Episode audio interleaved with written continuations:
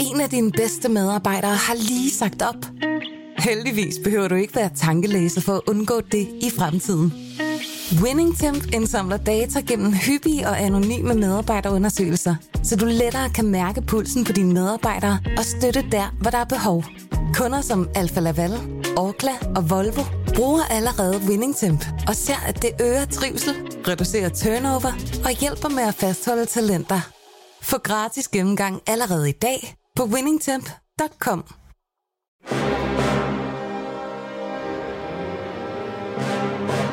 Velkommen til programmet Hitlers Æseløer, et program om bøger om den anden verdenskrig.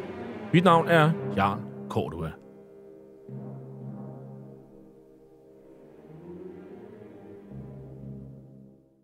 Den anden verdenskrig blev indledt den 1. september 1939 med det nazistiske Tysklands overfald på Polen. Der var tale om en racistisk erobringskrig, der kostede mellem 55 og 70 millioner mennesker livet, og hvor nazisterne systematisk myrdede jøder, romager, slaviske befolkningsgrupper, politiske modstandere og alle andre, der ikke passede ind i deres forestillinger om et ensartet folkefællesskab.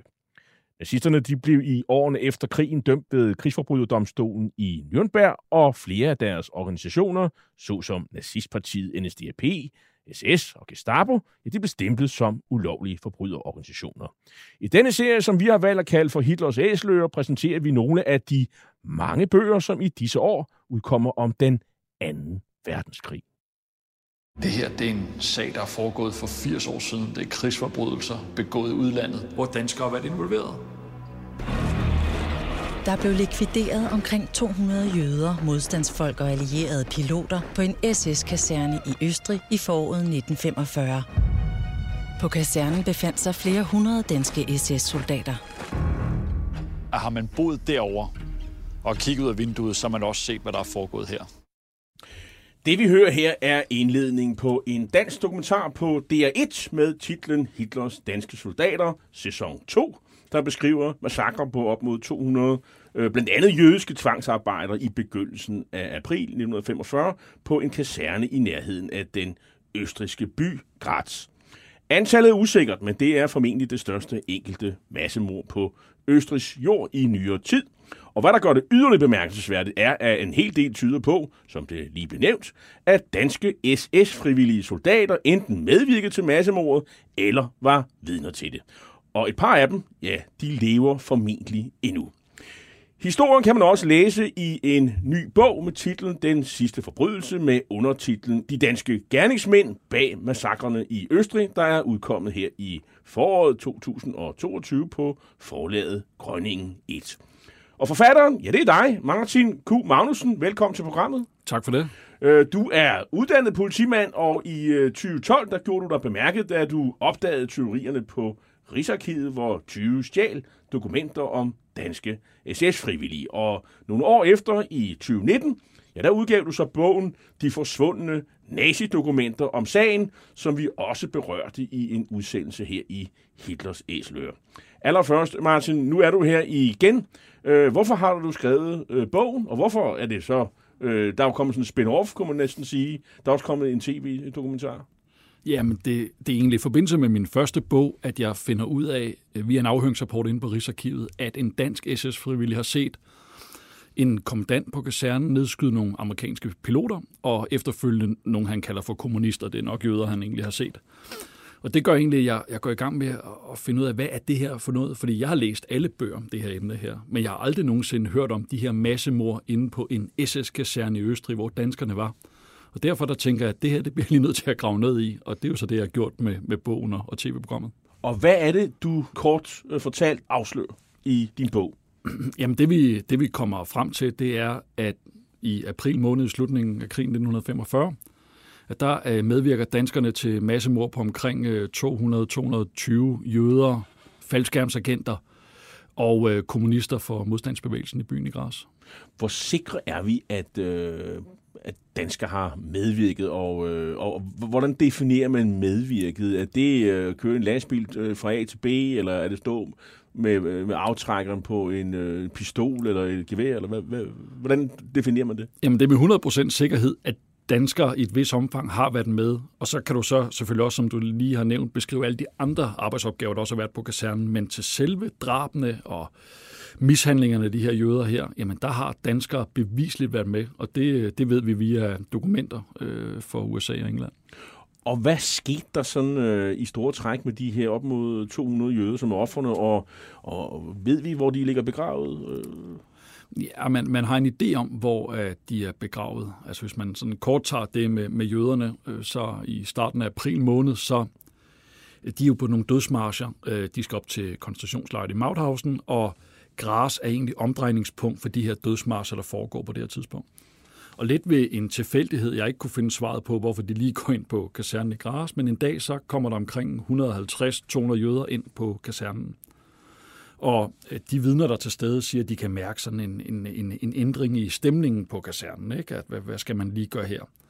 Men man, man tager en beslutning, man uh, tager dem om til stabsbygningen, og der gennembanker man den fuldstændig. Man uh, bruger slagvåben, og nogen brækker arme og ben af de her jøder her. Og så slipper man dem igennem hele kasernen op på sportspladsen. Der bliver de bedt om at afklæde alt deres tøj, fordi tøjet ligger i store bunker deroppe efter den her massakre her. Og så slipper man den hen til nogle bombekrater, og så skyder man dem en efter en efter en.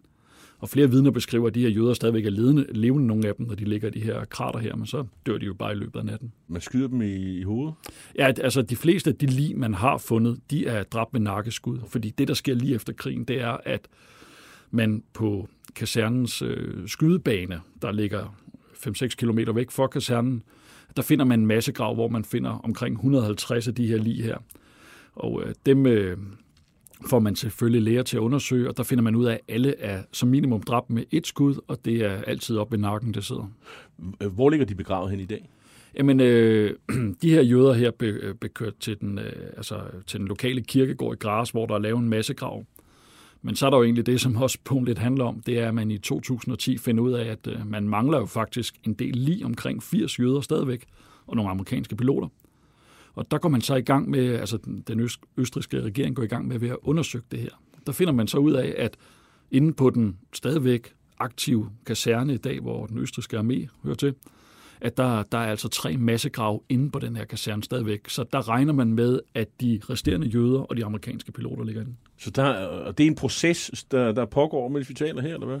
Ja, det er det. Altså, det, processen er egentlig afsluttet, øh, fordi man har øh, lavet en vurdering om, man ikke vil grave de her lige op. Så man har markeret de tre massegrav inde på den tidligere SS-kaserne, og så har man, øh, så, så er øh, deres ønske, at man egentlig hellere vil informere om de her drab, der er mm. foregået. Så hvis du kommer for eksempel til kasernen, og du er godt ind og se de her grave her, jamen så kan du henvende dig i hovedvagten, og så tror jeg faktisk, du vil blive fuldt nød. Så de, de, de, de vælger at køre sådan en åbenhedsproces omkring det. Men, men det sjove er, for det har jo været et tabu i mange år, at de her lige ligger inde på kasernen. Så det er egentlig bare først i 2010, man vælger at aktivt undersøge, om det virkelig kan passe. Men altså, er, er det så sådan noget, øh, nogle sådan noget, øh, mindesteder? Er det sådan, øh, er det sådan præsenteret med værdighed? Øh, for det er jo jøder, som... Øh, som, som, som, øh, som er offerne osv. Er der sådan øh, øh markeringer på øh, de her steder? Ja, ja det, det, det, det kan du godt sige. Nu, nu har jeg været lidt i Østrig i forbindelse med tv-programmet. Jeg vil sige, at øh, hvis man ser mindesmærkerne for, for, for, for det, som, som, som tyskerne gjorde, mm. øh, så er de lidt større end det for jøderne, må jeg ærligt indrømme. Men, øh, Hvad mener men, du med det? Jamen, altså for eksempel i en by, der hedder Feldbach, vi også besøger i byen, der, øh, der den 1. april, der bliver øh, byen tilbagerobret af tyske falsomjægere. Falskamsjæger. Ja, falskamsjæger, lige præcis. Og øh, der har man altså rejst øh, simpelthen et monument uden lige med en stor ørn øh, i udkanten af byen, hvor man mindes, at byen blev tilbageerobret for russerne osv. Der. For en kort bemærkning. Ja, for en kort bemærkning. Men der, hvor øh, i den her by bliver 200-300 jøder også slået ihjel, og der skal man godt nok være dygtig, hvis man skal kunne finde et mindesmærke efter det her. Så det undrer mig faktisk lidt, når jeg rejser rundt i Østrig, øh, hvordan, øh, hvordan man har valgt at, at dele det op. De her massakre her, øh, det er lige ikke som om, det er noget, som du har øh, fået gravet frem, men har, har det været omtalt før i, øh, i bøger og aviser? Har du, har du fundet spor tidligere? Ja, altså, øh, det, er jo, det er jo egentlig det, jeg ikke har. Det er også derfor, at, at interessen den kom for det her emne her. Altså, det allerførste, jeg gjorde, da jeg læste om, om den her forbrydelse, det var jeg to selvfølgelig under Hagekors og Danbro, som er, er et vanvittigt godt værk at slå op i. Jo. Det er jo og standardværket, det må man sige. sige. Claus Bunker Christensen øh, og, øh, og flere andre dygtige historikere. Lige præcis. Og der Poulsen, er Østrig 1945 nævnt med to linjer til sidst, og det var jo der krigen sluttede. Så, så derfor tænker jeg, hvad, hvad er forklaringen på alt det her? Og så var det så, jeg gik i gang med at skrive til forskerne nede i Østrig, fik lidt materiale derfra. De ledte mig på sporet af England, hvor øh, der ligger nogle øh, retsdokumenter for, for 1945. Og så taler sidst i USA, hvor at den sidste krigsforbryderdomstol, der blev kørt netop mod kommandanten på SS Kaserne, der ligger en masse dokumenter derover.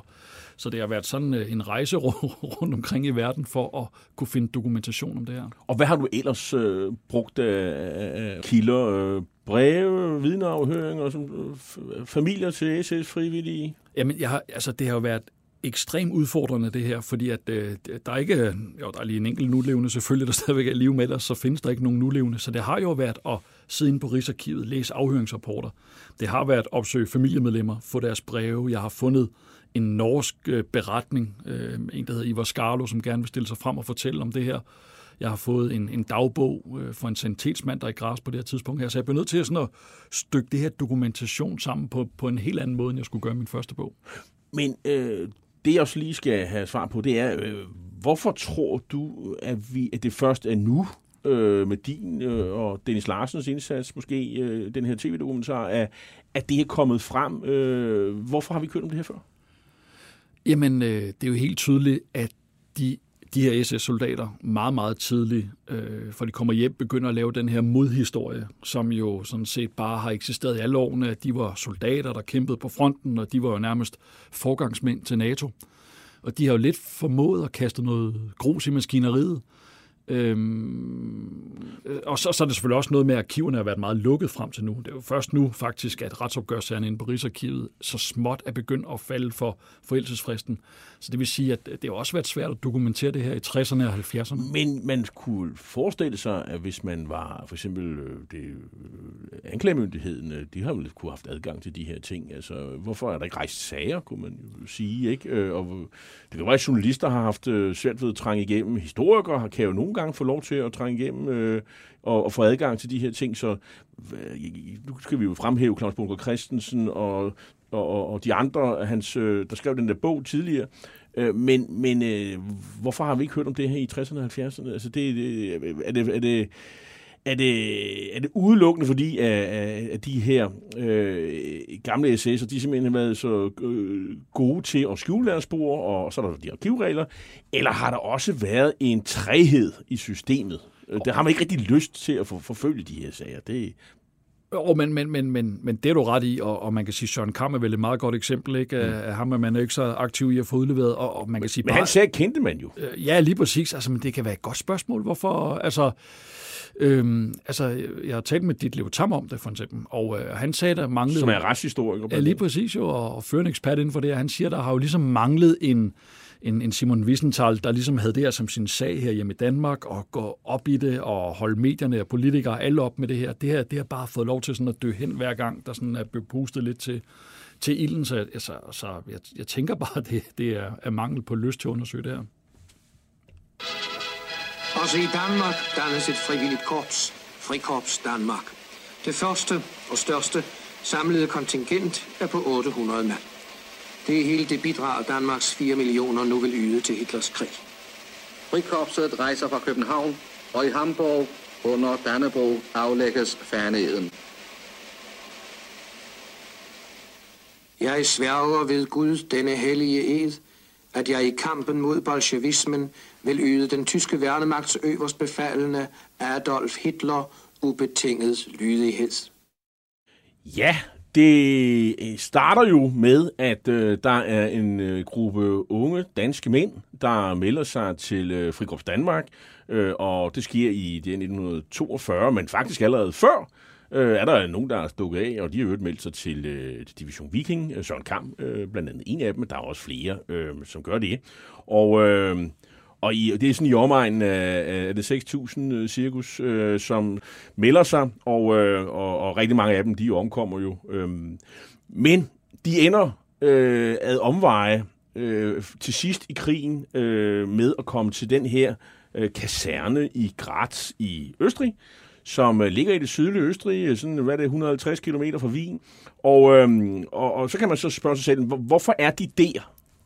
De er der egentlig, fordi at det tyske militærsystem er bygget op på sådan en fremragende måde, at øh, til hver division, for eksempel Division Nordland, som danskerne kommer til at tilhøre, der har man sådan en erstatningsbataljon. Det er her, hvor alle rekrutter kommer, og det er her, hvor alle sårede, der har været på laserater, kommer. Dem samler man i erstatningsbataljonen, og derfra bliver de sendt videre til fronten.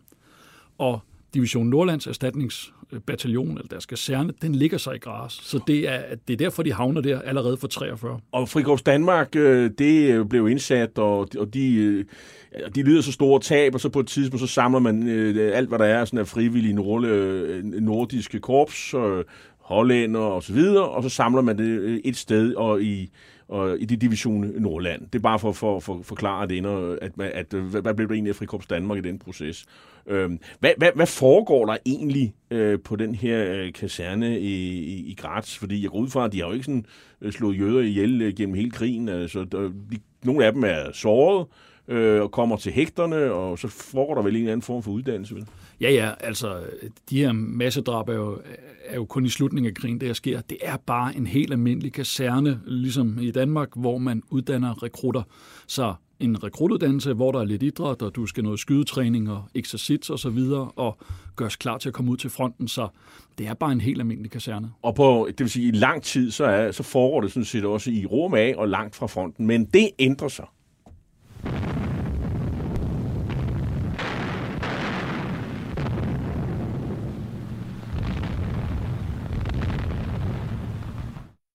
Ja, det her, det er krigslarm øh, fra øh, øh, slag omkring Wien. Øh, russerne står ved Wiens porte, og, øh, og det er selvfølgelig, som, som nævnt før, øh, i slutningen af krigen. Situationen for soldaterne i øh, kasernen i Graz øh, er, er en sådan karakter, at de ender jo med at blive sendt i felten for at forsvare det, der er tilbage af, af Østrig. Og... Øh, og hvad, øh, hvordan sker det? Øh, øh, man danner vel nogle øh, kompanier eller nogle, øh, som siger, en her, der, kan, der bliver sendt øh, afsted, og, og der skal vel også være sådan en, en form for beskyttelse af, af resten af Østrig. Man skal grave pansergrave og andre ting. Jamen i 1945, der er forbindelselinjerne, det skal lige siges, at Division Nordland på det her tidspunkt kæmper op i Kurland og Pommern omkring Berlin, og, og der er jernbaneforbindelserne afbrudt på det her tidspunkt her. På det her tidspunkt er der også 5.000 mand på den her kaserne her. Det er en slagkraftig enhed, der faktisk befinder sig i Østrig SS-soldater. Og vi er i, sådan i, i, i marts 1945. Ja, og der øh, bryder russerne jo igennem øh, fronten øh, og, og, og, og går i gang med at rulle Østrig op. Og der alarmerer man så øh, kasernen her i, i Gras, hvor der er 5.000 mand, og der danner man så seks kompanier i noget, der hedder Kampgruppe Schweizer. Og de bliver så sendt til en by, der, en grænseby, der hedder Retsnitz, hvor der foregår nogle, nogle hårde kampe. Man tilbageråber faktisk byen, bliver så godt nok slået tilbage igen, og, og havner så egentlig på kasernen i Østrig igen. Så det er, det er lidt deres rolle i slutningen af krigen, men det skal stadigvæk siges, at da kampgruppe Schweizer afgår, der er der stadigvæk 3.500 øh, rekrutter på kasernen, øh, som ikke er færdiguddannet. Og, øh, og mange af dem, det er jo faktisk, øh, eller nogle af dem, det er unge danskere, der jo øh, mærkeligt nok har meldt sig i, i slutningen af krigen. Der er jo ikke så mange, der melder sig i slutningen af krigen, men der er jo faktisk nogen. Øh, mange af dem er jo er unge danske nazister. Ja, altså det, der faktisk overraskede mig mest, var et antallet af danskere, der trods alt er der. Jeg regner med, der omkring 500-600 danskere på kasernen på det her tidspunkt. Det er forholdsvis mange, synes jeg. Og noget andet er, at hvor unge de er. Altså de er 17 år, de er 16 år. Den yngste, jeg har fundet frem til, han er 14 år, da han ankommer på den her SS-kaserne her. Altså det er fuldstændig vanvittigt at melde sig i marts måned i København, og så frivilligt tage til Østrig for, for at deltage. Alle burde jo vide, at den her krig var slut jo. Og hvad er deres bevæggrunde? Har du... Jamen altså, øh, det er jo det, jeg har forsøgt at finde inde på Rigsarkivet, og der, der er mange begrundelser. En øh, skriver, at han havde problemer med sin svigermor og sin kone, og derfor tager han afsted. Uh-huh. Og det er jo alvorligt nok jo. Og så er der selvfølgelig måske nok de fleste. Øh, det er unge NSU'ere, der jo øh, stadigvæk mener, at øh, den eneste ting i denne verden, det er nationalsocialisme. Og NSU, det står for Nationalsocialistisk Ungdom. Lige som er, præcis. Som er nazistpartiets ungdomsafdeling. Og de er jo radikaliseret på det her tidspunkt her. Ikke? Så de er ideologiske soldater. Ja, det må man ligesom sige. så mange andre SS'er jo er.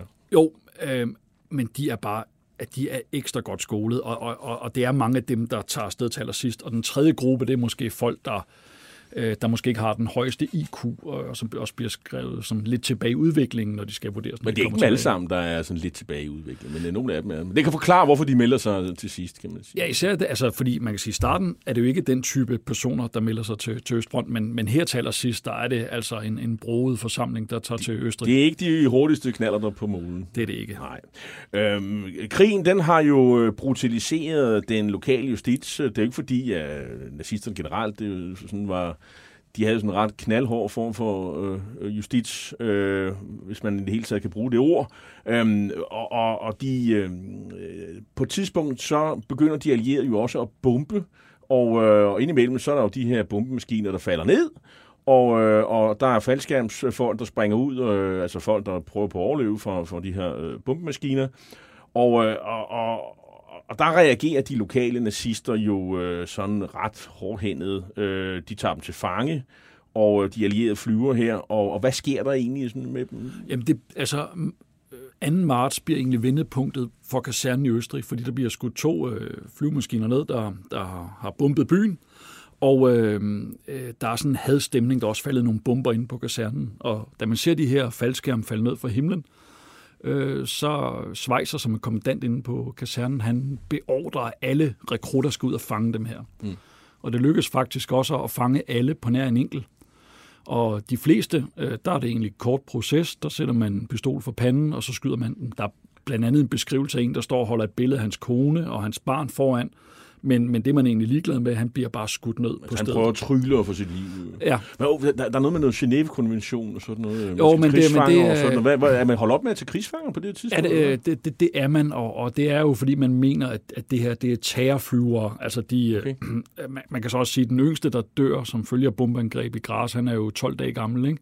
Øh, så det er jo meget kvinder og børn, der går ud over her. Og i marts måned tror jeg egentlig bare, at alle egentlig har fået nok af det her, og så lyncher man simpelthen dem her, når de lander med deres faldskærm. Men øh, det foregår i Østrig. Der er lokale folk, nazister, Gestapo og, og sådan nogle. Øh, der er jo altså, øh, lokale nazister, soldater selvfølgelig, SS'er.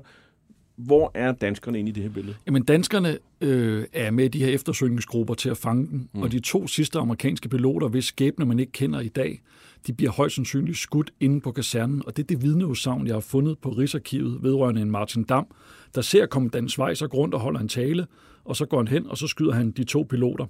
Så man har aldrig vidst, før jeg fandt politirapporten inde på Rigsarkivet, hvad der skete med de to sidste piloter. Så, så det at være deres opgave, det var egentlig at indfange de her flyvere, så de kunne blive skudt ind på kasernen. Er det en krigsforbrydelse at være med til at indfange nogle øh, flyvere? Nej, det, det, er vel, øh, det er vel bare en del af jobbet som soldat i den her periode her. Så det er jo Schweizer, der egentlig begår den største krigsforbrydelse her øh, ved, ved, at, ved at skyde nogle uskyldige mennesker. Men interessant nok, at de har været med til det her. Ja, det er også mere det der med at være øjenvidne til tingene, fordi det er igen hele den der modhistorie, vi talte lidt om at ingen har jo fortalt om det efterfølgende, og Martin Dam, der jo har oplevet det her, beskriver, hvordan at hele bataljonen er legnet op, og alle ser ham skyde det her. Men hvordan kan det så være, at jeg først finder ud af det her for et par år siden? Det er jo, det er jo lidt skræmmende. De har øh, holdt deres mund. Det må man sige. Der er jo en, øh, en hel del jøder i, i området, og øh, der har jo altid været jøder i, i Østrig. Øh, men de her jøder, de, øh, de, de er faktisk østriske jøder. De kommer andre steder fra. Ja, det er primært ungarske jøder, der er i Østrig på det her tidspunkt her. Øh, og det er jo klart, at øh, de jo også blev trængt til Østrig efterhånden, som fronterne er brudt sammen i Øst. Så det er egentlig grunden til, at de opholder sig der, det er, at, at det er nærmest det eneste sted, hvor man stadigvæk kan opbevare jøder. Og, og hvad skal de bruge jøderne til? Jamen, det er arbejdsjøder. Altså, de bliver sat til at... Hvad er en arbejdsjøde for noget? Jamen, de skal grave øh, pansergrave. De skal, altså, man, man er i gang med at lave sådan en stor, noget man kalder sydøstvolden, der skal holde de røde væk for, øh, for, for Østrig. Og, og det er pansergrave, det er skyttegrave, det er bunker, det er alt muligt arbejde, man kan få de her jøder til, og så er det så meningen, de skal arbejde sig ihjel der. De arbejde sig ihjel. Det, det er primært mænd? Øh, nej, ja, det, det er egentlig både mænd og, mænd og kvinder, der er i Østrig på det her tidspunkt her. Så Okay. Øhm, undervejs, øh, så... Øh, altså, det er jo ikke sådan, øh, at man kommer og henter dem i, i lastbil og sådan. De får lov at gå, og, øh, og, og nogle af dem, de er jo også afkræftet og så videre, og... Øh, og man beskriver det her som dødsmarscher. Og der er jo et berømt billede, fordi det er formentlig den eneste fotodokumentation af de her dødsmarscher. Hvad, hvad er en dødsmarsch for noget? Jo, men det var jo noget, man kaldte, det der var, det man som tyskerne kaldte det for, det var en evakuering af tysk, eller jøderne op til koncentrationslejren i det øh, nordvestlige Østrig, der hedder Mauthausen. Mm. Og øh, da russerne bryder igennem linjerne omkring den, den 1. april 1945, der beslutter man, at alle jøder ikke må falde i øh, fjendens hænder, så de skal gå op til Mauthausen. Og i den forbindelse, der har man så også en regel om, at alle, der ikke kan følge med det tempo, der bliver sat, de bliver trukket til side, og de bliver skudt. Og der ved vi, at danskere i Viking, der er stadigvæk nogle danskere i Viking på det her tidspunkt, de deltager i de her, og bliver også af østriske forskere kaldt for morkommandoer. Så det er egentlig sådan den, det er egentlig optakten til det, der sker i Gras. Og SS-division Viking. Mm. Øhm, øh, Øh, hvor, hvor sikre kan vi være på, at der har været danskere, der har medvirket til det, du lige beskrev? Jamen det, det kan vi egentlig være ganske sikre på, fordi at øh, man gjorde faktisk det, øh, da krigen var afsluttet, at man lavede en masse øh, øh, sådan nogle øh, øh krigsforbrydere efterforskningsenheder, der faktisk grundigt undersøgte hver gang, der var sket en hændelse. Og der har vi øh, blandt andet i tyske arkiver, og egentlig også på arkiverne i Gras, fundet en masse hændelser, hvor at øh, Øh, 1. bataljon Danmark, som er underlagt Viking på det her tidspunkt, deltager i forbrydelser, hvor man blandt andet henretter 50 jøder. Så, så man kan sige, det er, det, det, vi er meget, meget sikre på, at danskere har medvirket til det her. Så vi ved, at der har været en bataljon øh, med danskere i, øh, og vi, vi, vi kan næsten sætte navn på de der mennesker, der har været i den der bataljon, og de har haft fået den opgave, og det er sådan uden for en øh, øh, sikkerhed, at det er, der er vidner på, de har begået den der øh, krigsforbrydelse men de er ikke blevet, det er ikke en sag, der er blevet efterforsket. Nej, altså jeg tror, det, de her dødsmarser har været så kaotiske, så øh, der har man ikke haft styr på, hvem der har gjort hvad, og øh, selve viking på det her tidspunkt er jo også spredt for alle vinde på en eller anden måde. Altså det er jo vildt flugt, både med jøder og med tyskere, og man skal have materialet reddet. Så øh, der er så meget kaos lige omkring de her dødsmarcher, så der har man egentlig øh, aldrig rigtig fået opklaret helt præcis, hvad der skete, men det var heldigvis anderledes med det, der skete i Græs.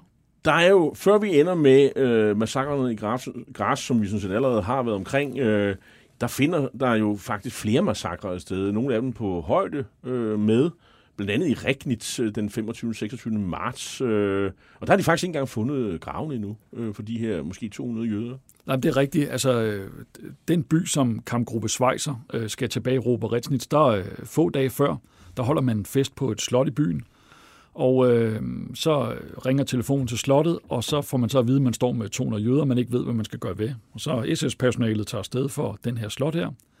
Og så øh, beder man jøderne om at grave deres egen grav, og så skyder man den, og, og dækker dem så til. Og da russerne så tilbageruber øh, byen her, Retsnitz her, så finder man de her grave, men lukker dem til igen, og markerer dem ikke på et kort. Og det vil sige, selv den dag i dag, så er der ofte udgravninger i byen, fordi man via gamle luftfoto osv. stadigvæk forsøger at finde de her grave her. Men nu skal vi jo til den massakre, som øh, ja, det finder jo faktisk sted over nogle, øh, hvor lang tid, at det der foregår i på kasernen i Graz og omegn. Jamen, øh, øh, hvor, hvor lang tid er det, og hvor, hvor mange massakre taler vi om? Sådan, øh? Om, øh, man kan dele lidt op i to. Øh, den ene, det er noget, der foregår i Feldbach, som er sådan underafdeling til øh, kasernen i Gras. Øh, der foregår øh, drab over en, en måneds tid på jøder. Der bliver også slået sted mellem 200 og 300 jøder ihjel. Og så er der selve hovedforbrydelsen i Gras, øh, som også var i løbet af 14 dage, hvor kan man sige, sådan hovedforbrydelsen sker. Er der danskere begge steder? Ja, det er, der, det er der med garanti, men der, hvor vi har de sådan mest klare spor, det er øh, kasernen i Gras. Og grunden til, at vi ved det, er fordi man efter krigen iværksætter en, en faktisk en rigtig, rigtig grundig efterforskning. Ikke så meget fordi, at der er slået jøder ihjel. Det betyder faktisk ikke så meget for efterforskerne. Men man har jo den her mistanke om, at man kan finde amerikanske piloter på stedet. Og det mener så det er man, amerikanske piloter, der er mest interessant for ja, de amerikanske efterforskere. Det, det kan man jo et eller andet sted godt forstå. Selvom, selvom antallet jo er jo, altså, man sige, det, det, øh, antallet af jøder er jo mange øh, folk større end de her amerikanske piloter, men ud fra sådan en, øh, en, en national interesse, så kan man vel et eller andet sted godt forklare det. Jo, det, det kan man nok godt, men jeg synes jo, det er meget pudset, at lige så snart, at for eksempel, det førte jo til en retssag i 48 det her, mm. hver gang, at folk vil nævne noget om nogle jøder, der lå inde på kirkegården, så sagde den amerikanske anklager, at det, det skal vi ikke høre mere om. Nej. Altså, så fokus var på de her amerikanske piloter, og ikke så meget jøderne, og det er jo også derfor, at det går så galt, den her efterforskning her, fordi at Øhm, altså, at, at, at, øhm, at, at du undersøger faktisk noget, der er forkert. Man har mistænkt, at 13 piloter bliver slået ihjel sammen med jøderne. Men det, der bare er problemet, det er, at alle 13 piloter, som man efterforsker, de overlever krigen, finder man ud af. Nå. Og så er man jo faktisk gået fuldstændig den forkerte vej i sin efterforskning. Øh, og dermed så går den her efterforskning omkring drabene på jøderne også fuldstændig tabt. Og noget andet er selvfølgelig også alle hovedgerningsmændene til den her forbrydelse her. De er flygtet for lang tid siden og gemmer sig i Tyskland under falske navn. Okay, men hvad er egentlig, hvem er det vidner, vi kan trække frem, øh, hvis vi nu fokuserer på, øh, på det, der ligesom er hovedsagen her, nemlig øh, øh, øh massakrene i, på kasernen i Graz. Hvem, hvem, er, hvem er vidnerne, Jamen, øh, der, der ligesom kan sandsynliggøre for, at der har været danskere til stede? Jo, men øh, altså af, af primære vidner, så er der faktisk øh, to hollændere, der bliver afhørt, mm. øh, som selv beskriver de her danskere. De navngiver faktisk også nogle af danskerne, der har været med til den her forbrydelse her. Så de er, de er jo rigtig, rigtig gode vidner. Så er der faktisk en, der, øh, en, der hedder Jeske, som er gift med en medarbejder inde på kasernen, der ser de her forbrydelser faktisk for den bygning, hvor danskerne bor, da de finder sted. Så hun er også et, et rimelig godt vidne. Men i løbet af krigen, så øh, får man faktisk også lokaliseret de her danskere her, og det ender faktisk også med, at to af dem bliver øh, anholdt og afhørt til sagen. Okay. Og hvad kommer du ud af det? Ja, men øh, altså den ene, han er jo ledende fangvogter inde på kasernen og har haft ansvaret for at håndtere de her jøder her. Og af en eller anden mærkelig grund, så øh, findes hans afhøringsrapport ikke nogen som helst steder. Øh, man kan se, at han øh, lever under øh, falsk navn i Østrig frem til 47. Der får man så anholdt ham. Og så kan man se, at der er en masse skriverier mellem amerikanerne og den østriske myndigheder, der siger, hvad skal vi gøre ved ham? Hvis I ikke skal bruge ham, så løslader vi ham. Og selve resultatet på det her, det findes faktisk ikke. Men igen det der med, man har jo ikke fokus på jøderne, man har fokus på de amerikanske piloter. Så jeg tror egentlig bare, at han får lov til at, at slippe ud det fri. Så det vi egentlig har her, det er, at østrigerne, som jo skal man sige, er gerningsmændene, de har ikke nogen interesse i det, øh, og man kan diskutere, om de stadigvæk øh, forholder sig til deres historie. Øh, det, det, det er nok et åbent spørgsmål den dag i dag.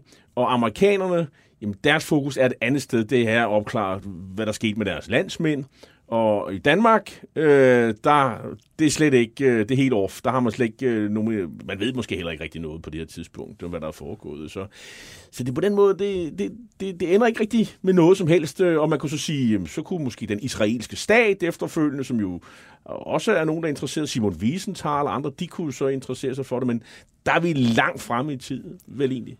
Ja, der, der vil jo egentlig først fremme med min afsløring her i bogen, at de faktisk har, har anmeldt det her igen og aktivt forsøgt at undersøge det. Fordi det, der er helt tydeligt her, vi har læst i øh, især de engelske undersøgelser, der ligger øh, over England, at, at danskerne har været dybt involveret. Altså, de har været i noget, der hed afdeling 3, som havde en, der hed Møller som chef. Og afdeling 3 var dem, der havde ansvaret for håndtering af jøderne. Og det sjove er, at i afdeling 3, hvis man egentlig tænker på, hvor, hvor lille en afdeling det er, det er jo bare fangevogter. Og hvor mange snakker vi om?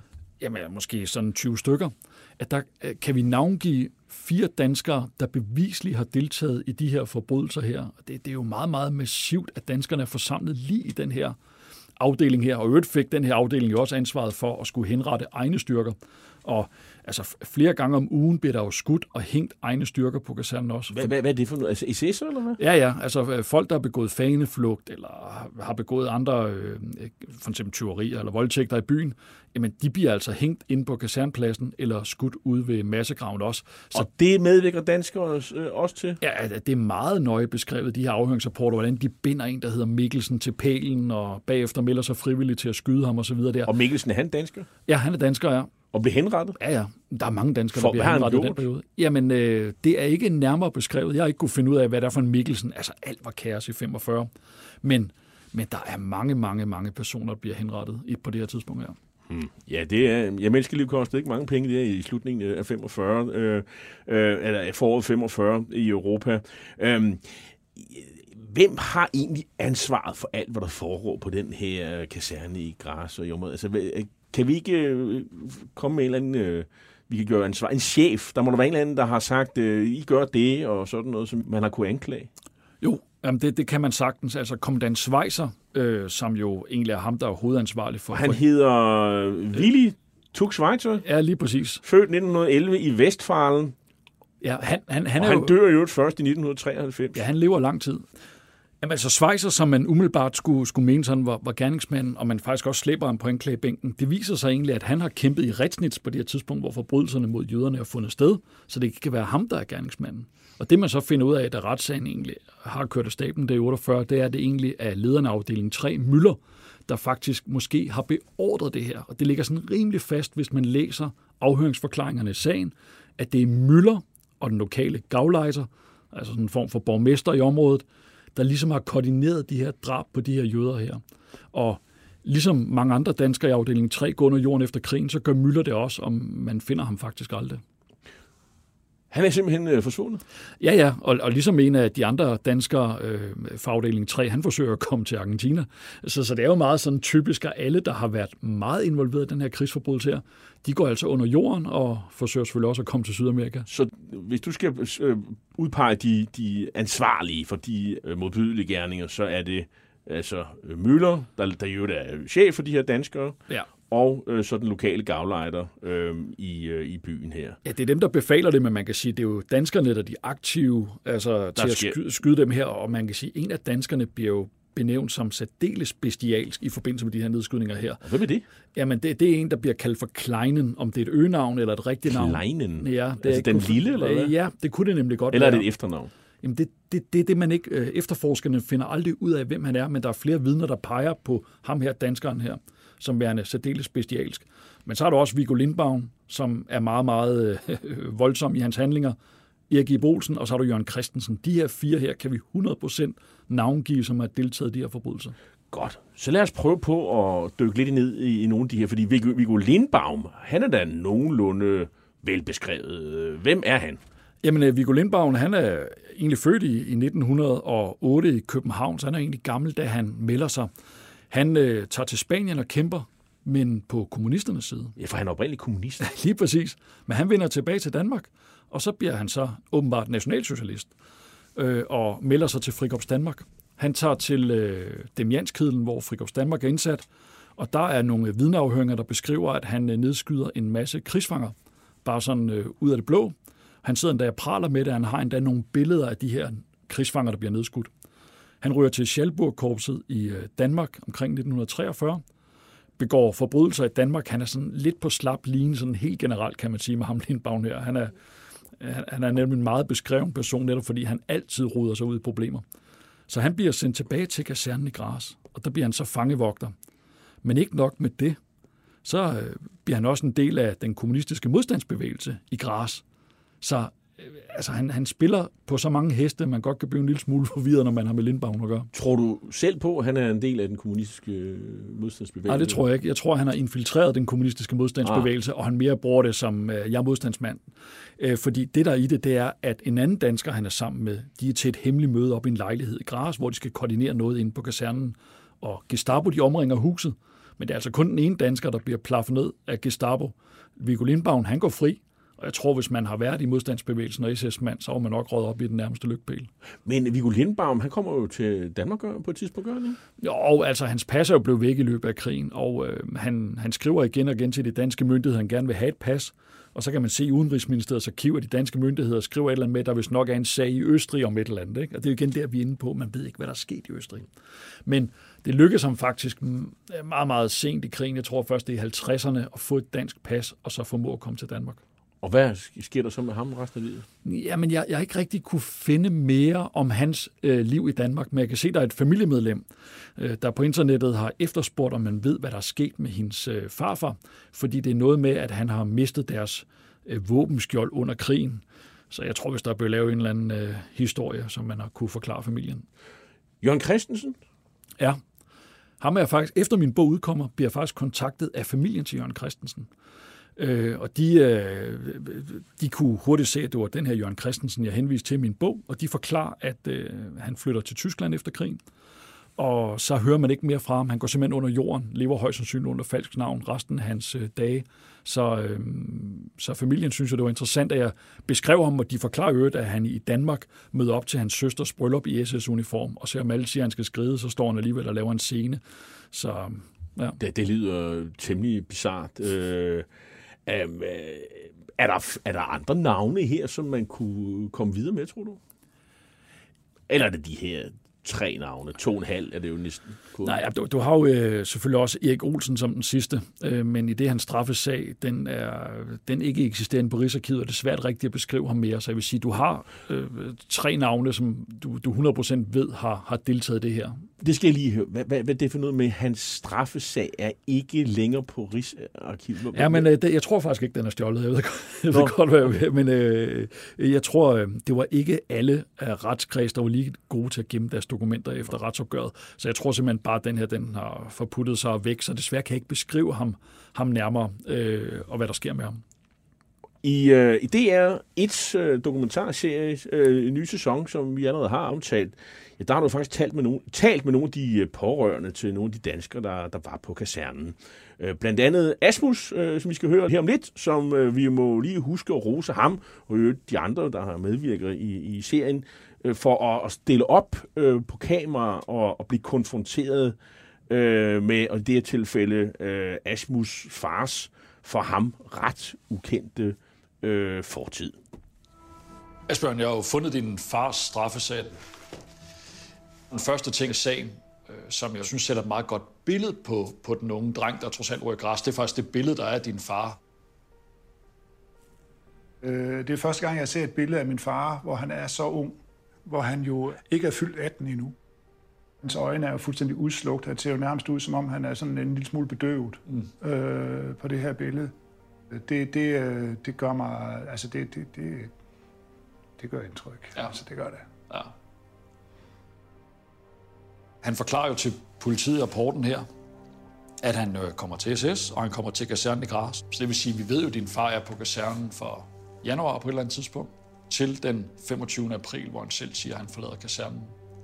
Jamen, så er din far egentlig været i hvert fald vidne til to sådan helt væsentlige øh, ting, der er sket på kasernen på det her tidspunkt her.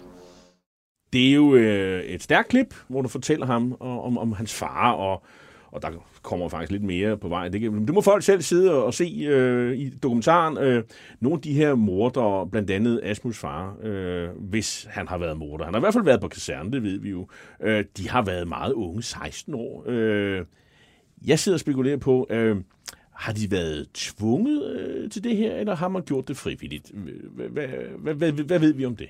Jamen, øh, det er jo nok et definitionsspørgsmål, fordi der findes faktisk nogle afhøringsrapporter, blandt andet for kompagnichefen, for hvor øh, den unge mand han var på det her tidspunkt her, og han forklarer jo, at de, de her 16-årige knægte bliver taget ud og får at vide, at de skal løse den her opgave her. Mm. Men de får, det virker nærmest som om, de skal underskrive en eller anden form for tavshedserklæring. Så de deltager her, og så skal de i øvrigt lige skrive under på, at de ikke må sige noget, ellers bliver de selv slået ihjel. Så man kan sige, om man er frivillig eller man er tvunget til det, det er vel nok et definitionsspørgsmål, men det er med fuldstændig garanti, at det er 16-årige knægte, de bruger til det her. Det er det. Altså, det er ikke ældre øh, typer. Ej, tværtimod, for dem tror jeg faktisk ikke, du kunne få til det her. Det er sådan let påvirkelige typer, som er måske autoritetstro, som i øvrigt har tilsluttet sig en bevægelse, hvor føre- og lydeprincip, det er sådan set helt afgørende. Øh, man gør, hvad man får besked på. Det er også en anden tidsalder, skal vi huske på. Øh, det er folk, der er vokset op i 30'erne. Så det er, det er vel det, vi skal øh, forklare, øh, bruge som forklaringer til, hvorfor det her sker. Og, og plus det her med, at man har en trussel med, at man bliver skudt. Øh, de kan jo selv se, at folk bliver skudt og hængt. Øh, er selvfølgelig også for grove forbrydelser, nogle af dem selvfølgelig.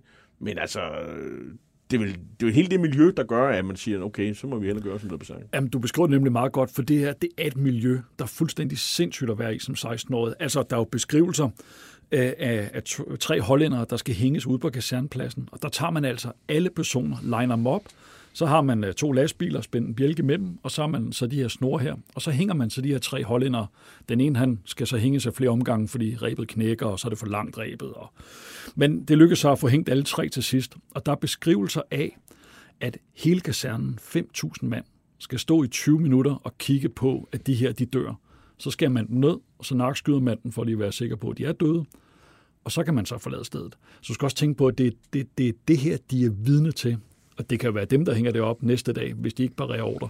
Så selvfølgelig er de under massiv pres, de er 16 år. Så når Asmus ser et billede af sin far som 16-årig, øh, hvor han måske har et par måneder og har gennemlevet det her, øh, og se de der udslukne øjne, så, så han, han giver jo næsten på sin far, så jeg kan næsten ikke genkende ham. Altså, det må gjorde det helt vildt indtryk på sådan en ung mand. Altså 16. Det er jo de form, formative år, siger man jo.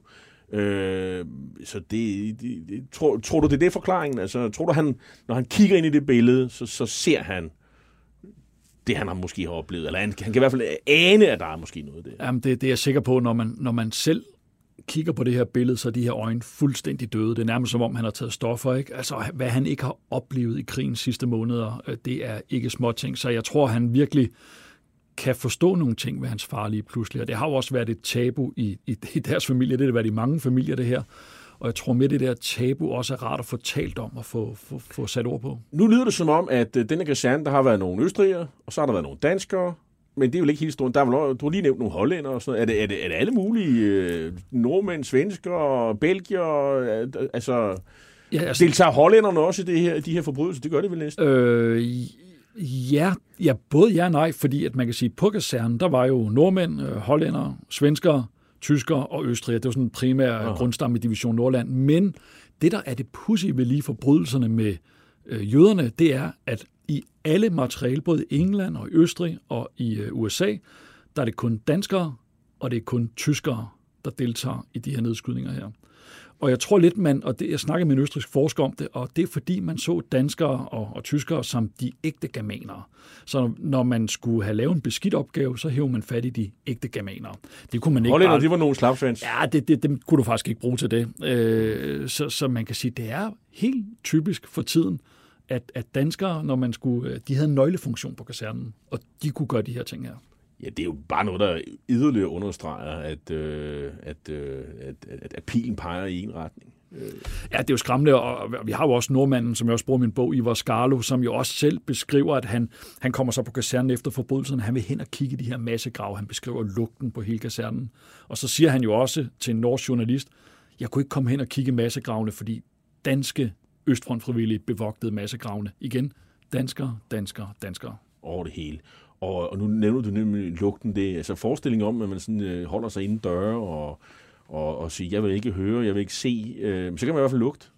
Det... Øh, den her, jeg har aldrig selv, øh, øh, gudskelov, øh, det her, den her karakteristiske lilugt, der skulle, skulle være sød og ubehagelig, men øh, folk, der har, har, har lugtet til den, de, øh, de er ikke i tvivl. Øh, de steder, hvor de har hvor man gravet lige ud og så videre. Så, så man, man har ikke været i tvivl om, hvad der foregik lige rundt om hjørnet. Nej, det, det har du ikke været, både på grund af lugten, men du skal også tænke på, at de her indkvarters indkvarteringsbygninger, hvor danskerne boede i, de lå lige ud til de her massegrave her. Så lige ud for vinduet? Ja, du kan åbne dit vindue, så kan du stå og kigge ned i graven jo. Så igen det der med, tænk på, at der har været 500-600 danskere på det her tidspunkt, har set de her ting. Men hvis du læser Erik Hostes bøger, eller hvis du læser under Hagekors og Landbrug, der er jo ingen, der bagefter har sagt, nu skal I lige høre her, hvad der også skete i Østrig. Nej. Man får altid den der version af, at de har kæmpet på fronten, mod, mod, mod kommunisterne. Ja, lige præcis. Og, ja. Men de glemmer lige alt andet også. Hmm. Græs bliver indtaget først af russerne, øh, men senere så kommer britterne til byen, og det tager sig godt ud i øh, britisk propaganda, hvor de lokale naturligvis hilser den øh, øh, gode britiske soldat, der jo selvfølgelig iført sit øh, sædvanlige gode humør, varmt velkommen. This is the German British News, presenting the truth to the free peoples of the world.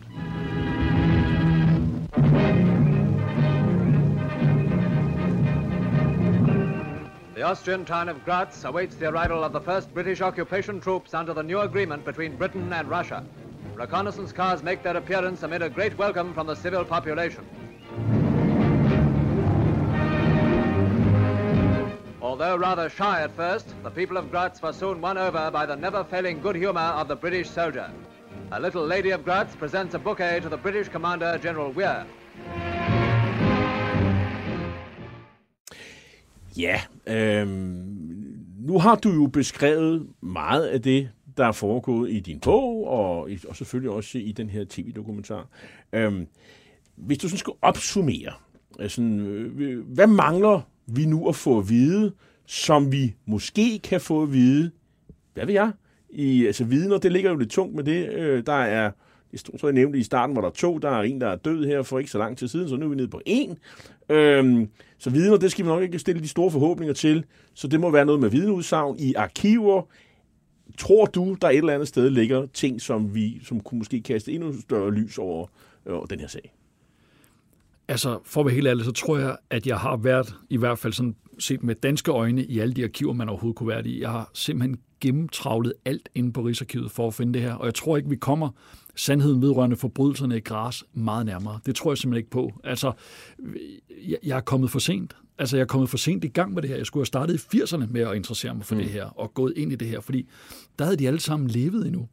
Så jeg er kommet øh, for sent i gang, men derfor synes jeg stadigvæk, at man skylder i hvert fald dem, der ligger i de der massegrave, og beskrive, hvad der trods alt er sket. Hvad med udenlandske arkiver? Du, du har også været rundt i alle de udenlandske arkiver, der kunne, der kunne være. Ja, det, det, det, det synes jeg er værd. Øh, der er selvfølgelig øh, centrale stille nede i Ludwigsburg, som, som jo efterforsker øh, krigsforbrydelser. Det kunne selvfølgelig være en mulighed for at se, hvad, hvad, hvad de har. Men, øh, men, men det, altså, britterne og amerikanerne laver jo egentlig meget detaljerede afhøringer i deres undersøgelser. Og, altså, der findes jo flere tusind sider med dokumentation der. Men problemet er jo, at man jo ikke kan stille opfølgende spørgsmål til folk, der er døde jo. Det er svært, øh, men du har jo selv beskrevet det her med, at der har været 20 inde øh, og, og stjæle dokumenter på Rigsarkivet osv., og, og det kunne jo være, at der ude blandt samlere og histerpiste øh, ligger dokumenter, der kunne øh, kaste en yderligere lys på.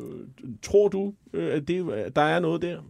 Altså, jeg vil sige, at jeg er løbende i den her proces. Hver gang det, jeg har gjort, det er at lave sådan en Excel-ark over alle danskere, jeg ved, der var i græs på det mm. tidspunkt her.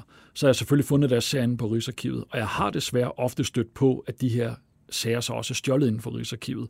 Og ligesom det var tilfældet med Martin Dam, der jo ser de her forbrydelser inde på kasernen og fortæller om det til politiet, der kunne det jo også være, at nogle af de her sager, hvor at dokumenterne er forsvundet fra, at de har fortalt det samme. Og det er også derfor, det, altså det, det er jo bare træls, når man får fat i en sag, og så den er fuldstændig plukket for dokumenter ind på Rigsarkivet. Og, og det gør virkelig en gang med, det er svært at beskrive det her, fordi man, kan, man sidder tilbage med den her idé om, kunne der mangle lige den vigtige brik her, men man ved det simpelthen ikke. De her øh, gamle nazister, som nu er afdøde, og, og de fleste af dem, og Østfront hvad, altså, de har jo gemt på de her øh, hemmeligheder her. Tror du, at der er sådan... Øh, Øh, at de øh, skammede sig over deres gerninger, eller øh, havde de sådan nogle motiver for at slå de her jøder ihjel? Det var sådan ikke altså, øh, en, en del af pakken, når man nu var øh, nationalsocialist. Øh, man havde jøderne. Øh, hvad, hvad, har du gjort dig nogle tanker om det? Ja, for jeg har talt med mange af de pårørende, og, og jeg har egentlig aldrig fornemmelsen af, at deres forældre har skammet sig tværtimod, men man har bare valgt at få ti den her del af det. Så altså, de har ikke skammet sig over at være østfrontfrivillige? Nej, tværtimod du. Altså, det er jo nærmest været øh, et kvalitetsstempel øh, for mange af dem her, men man skal også tænke på, efter krigen finder de jo også sammen med ligesindede, og så er det jo klart, så kan man jo klappe hinanden på skulderen og sige, det er det rigtige. Så der det er, er jo... sådan en kirke, en menighed, hvor, man, hvor alle ligesom øh, deler samme tro. Ja, jamen, altså, ja, altså de, de holdt jo fester sammen. De mødtes jo. Altså, jeg har blandt andet uh, talt med en, der, uh, hvor han forklarede, at Søren Kamp både i, i 80'erne og 90'erne var til fest nede i Sønderland.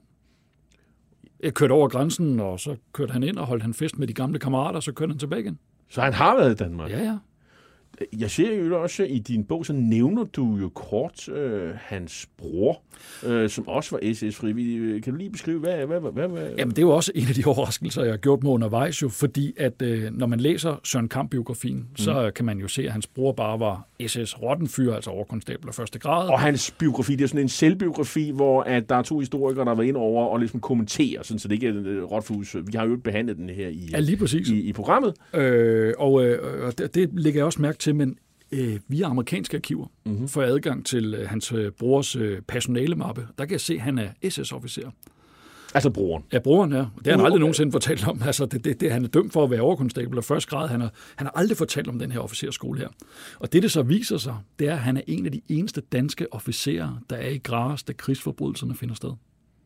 Kan han have været med til at måske, øh, hvad ved jeg, øh, øh, beordre han kan øh, landsmænd til at begå de her Meget stor sandsynlighed. Altså meget, meget stor sandsynlighed, fordi at officerskorpset var enten direkte involveret, eller så vidste alle besked om det. Altså, de var jo meget mere informeret, end de menige personer var. Så øh, ja, det er lidt, lidt sjov historie i den store historie. Men det her med øh, jødehad og så videre, øh, altså det er en underspillet øh, skal man sige, del af det at være SS-frivillig. Øh, hvad, øh, hvad siger dine undersøgelser? Tror du, de har været drevet af det? Had til jøder? Og jamen, jeg vil sige, at når man finder øh, dokumenter fra den tid af, så er det i hvert fald ikke underspillet. Så er det jo fuldstændig med åbne kort, at man slet ikke kan fordrage jøder overhovedet. Altså, det, hvor, hvor kan man se det? Jamen, fældpostbrevene. Altså, der står jo altid, alle fældpostbreve slutter jo med død over jøderne eller et eller andet. Og hvis du for eksempel tager den nulevende person, altså der bliver efterforsket af dansk politi den dag i dag. Som vi ikke nævner navnet på. Ja, vi må hellere, hellere lade være. Øh, men det der er, i, i hans sag, der findes jo et brev sendt fra Gras, godt nok i 1944 i efteråret. Og øh, det er en kammerat, der skriver brevet, og han sender det hjem til Danmark, og han er også i National Socialistisk Ungdom i Danmark. Og han skriver, at de glæder sig til at komme hjem til Danmark, men øh, der er lige nogle ting, de skal ordne her i, i Østrig og på Østfronten først, hvor der øvrigt er gang i den. Øh, og øh, han glæder sig jo til at give de røde og jødesvinene på tæven, og de tæv skal være så hårde, at de aldrig rejser sig igen. Så man kan sige, at det her har jo ikke været nogen hemmelighed, hverken for familie eller pårørende eller noget. Det her, det vidste man, at det var målet Øh, veteranerne, de organiserer sig jo i, øh, i, sådan, øh, i sådan veteranforeninger, og, og i dag er der vist kun én tilbage, øh, og det, der er jo næsten næppe nogen veteraner tilbage, men der er jo sådan pårørende, så kan du prøve at beskrive nogle af de der veteranforeninger og, og, og deres virke? Jamen, jeg tror faktisk stadigvæk, at den i Jylland også eksisterer. Så vi har en københavnsk veteranforening og en Jysk Veteranforening, men den københavnske, den er den mest aktive. De mødes jo inde på Vester Kirkegård altid den 2. juni. 2. juni, hvad ja, sker der der? Jamen, det var der, hvor øh, von Schalburg, han faldt i Demianskedlen, og det er så åbenbart blevet sådan en minde-heltedag. Det er der, hvor man mødes og mindes alle de faldende altså, på Østfronten. C.F. Schalburg, som jo selv øh, tilføjede et fond. Øh, det, han hed jo ikke rigtig von Schalburg, men det var noget, han gerne kaldte sig selv. så det er simpelthen hans mindedag, eller dødsdag, og så er det så blevet mindedag. Og, og, så, og, og, og hvad sker der sådan... Du har faktisk selv overvejet det sådan på afstand. Ja, men jeg, jeg tog der en dag skulle se, hvad der foregik derinde. Jeg havde fået adgang til en masse medlemsblade. De har åbenbart nogle medlemsblade. Og det var sidste år? Ja, og øh, der kommer vi ind øh, på kirkegården og skal egentlig lave nogle optagelser af, at de ikke er der. For vi har talt med formanden, der siger, at de ikke eksisterer mere. Nå. Men lige pludselig, mens vi står i gang med at lave tv-optagelser, så kan vi se, at der vælter folk ned til det her gravkors hernede for inde på Vester Kirkegård. Og hvor mange var de? Ja, de var øh, 10-12 stykker. Og øh, man kan se, de holder nogle taler dernede, de holder et par minutter stillhed, og så står det, det tager halvanden time, den her, øh, hvad man kan kalde det for, mindehøjtidlighed. Og, øh, og så, så kører de så normalt ud for en god frokost bagefter. Hvad er det, de mindes? Ja, det, det, det, det, er, jo, det er jo et godt spørgsmål. Altså, Altså er det, det, er det SS, øh, Østfrontevilliges øh, indsats øh, mod øh, bolsjevismen, som de kalder det?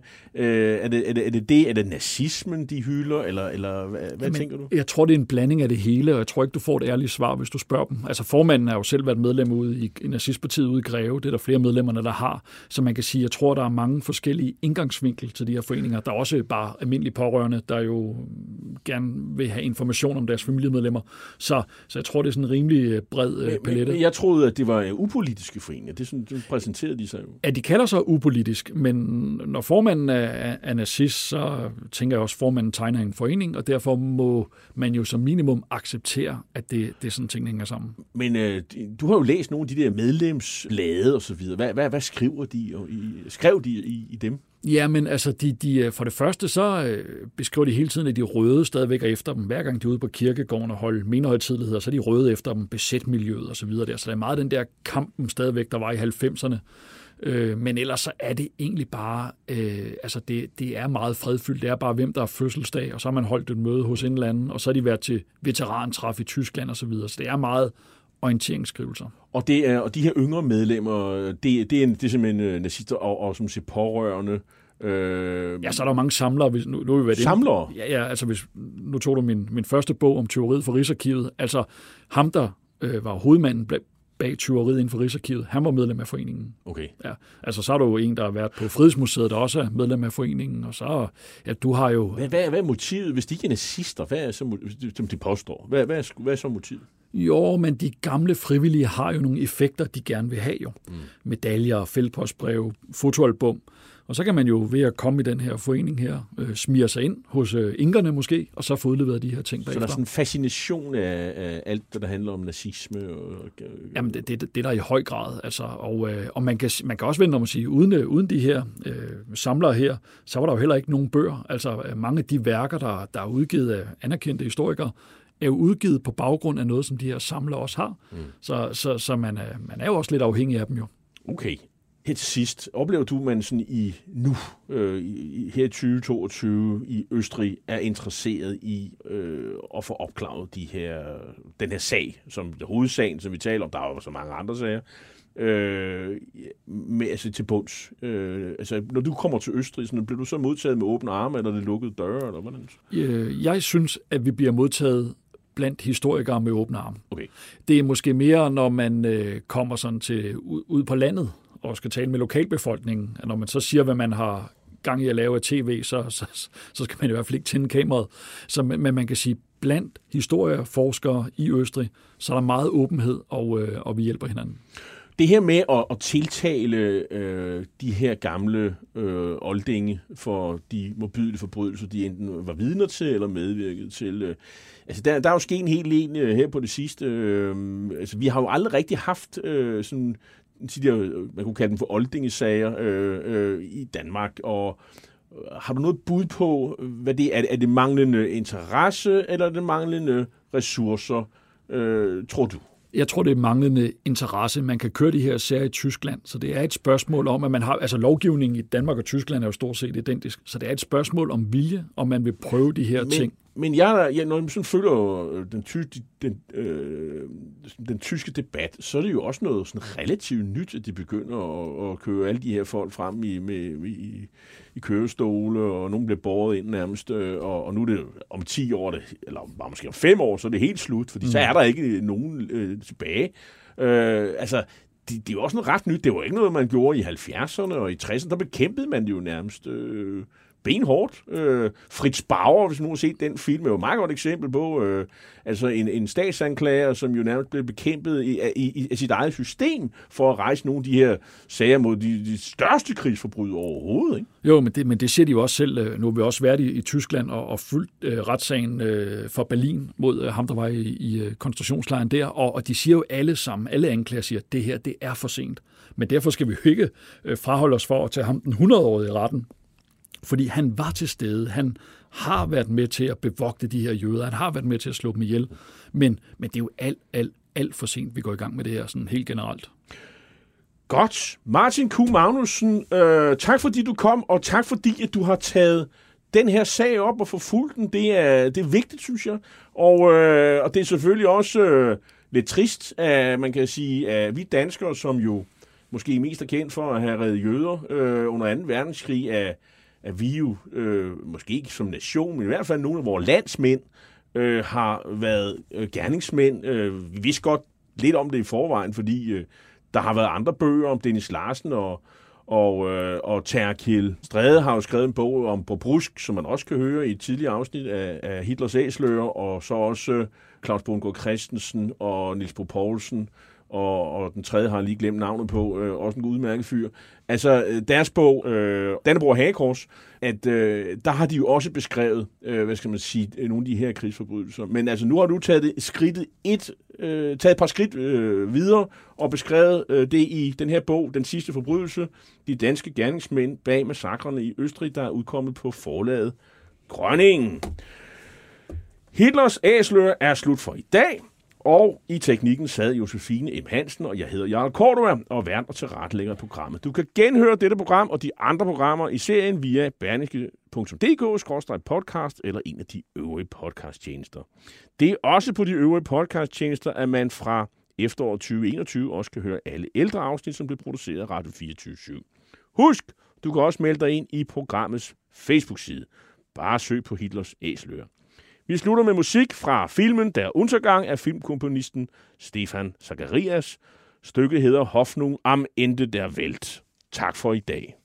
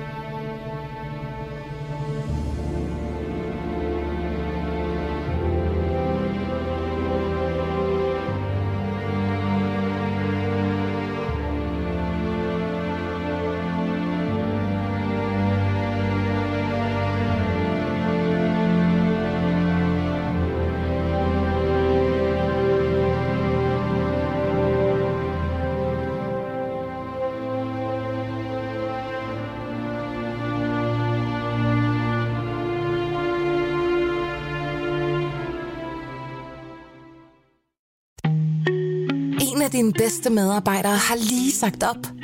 Heldigvis behøver du ikke være tankelæser for at undgå det i fremtiden. WinningTemp indsamler data gennem hyppige og anonyme medarbejderundersøgelser, så du lettere kan mærke pulsen på dine medarbejdere og støtte der, hvor der er behov. Kunder som Alfa Laval, Orkla og Volvo bruger allerede WinningTemp og ser, at det øger trivsel, reducerer turnover og hjælper med at fastholde talenter.